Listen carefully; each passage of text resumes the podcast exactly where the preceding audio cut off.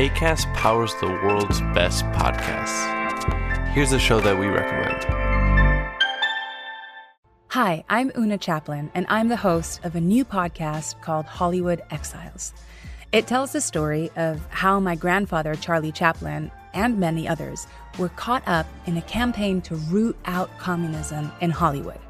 It's a story of glamour and scandal and political intrigue and a battle for the soul of a nation.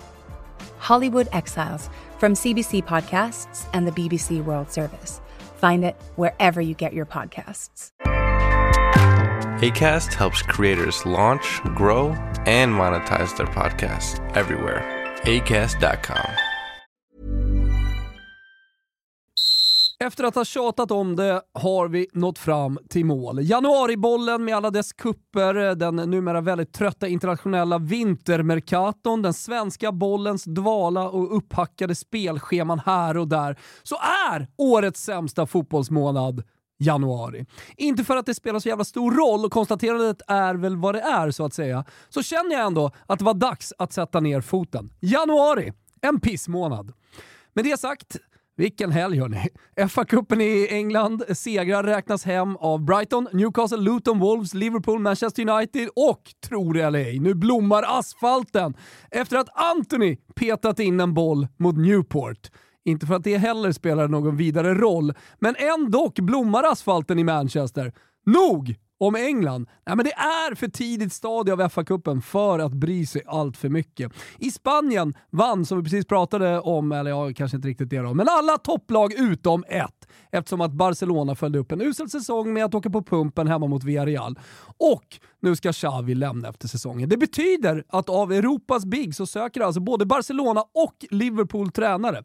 Säkert någon mer. Ten Hag, Roma, okej, okay, de kanske inte är big, men ändå. Hur tänker Chelsea? Och så vidare. Vi behöver väcka liv i Waiting List Supreme på tränarbänken och reda ut ett och annat.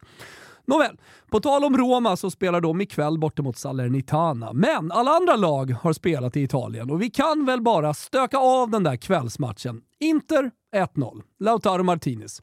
Tidigt i matchen. Sedan full press, straffmiss, offside-mål. Äh, men det är gudsförgätet. Matcherna mot randigt stort hemma i Firenze. Va? Och det är såklart fruktansvärt. Det är kuken att hålla på provins. Grattis alla storklubbs-sumprunkare eh, där ute. Jävla mysigt liv ni har.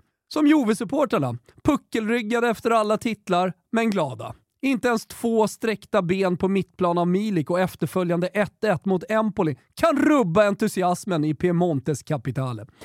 Jove står mentalt orubbat inför helgens enorma Derby d'Italia. Vilken jävla match som väntar. Men det får vi återkomma till. Jag hade de senaste årens största spel på unden i Lazio-Napoli. Och idag får man glädjas åt den 0-0 i alla fall. Atalanta ångar på förresten. Mm.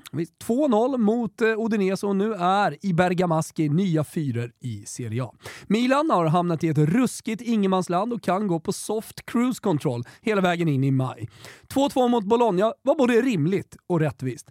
Det får räcka lite med Italien för den här veckan. Nu blickar vi istället framåt. Vi stänger januari, vi varvar igång känslomaskineriet och så fokuserar vi på en supermysig veckomgång i Premier League. Sen är det full patte genom helgen, inga jävla superkupper, FA-kupper, ligakupper, fan och hans mosterkupper. Och hörni, runt hörnet! Ja, där väntar, där stundar Svenska kuppen. Där finns Europabollen. Oj, oj. Och med den vet ni vad som gäller numera. Våren. Visst Gugge. La Primavera. Tussilago i backen, solkyssta kinder, halvstyvt i brallan. Den är snart här! Våren.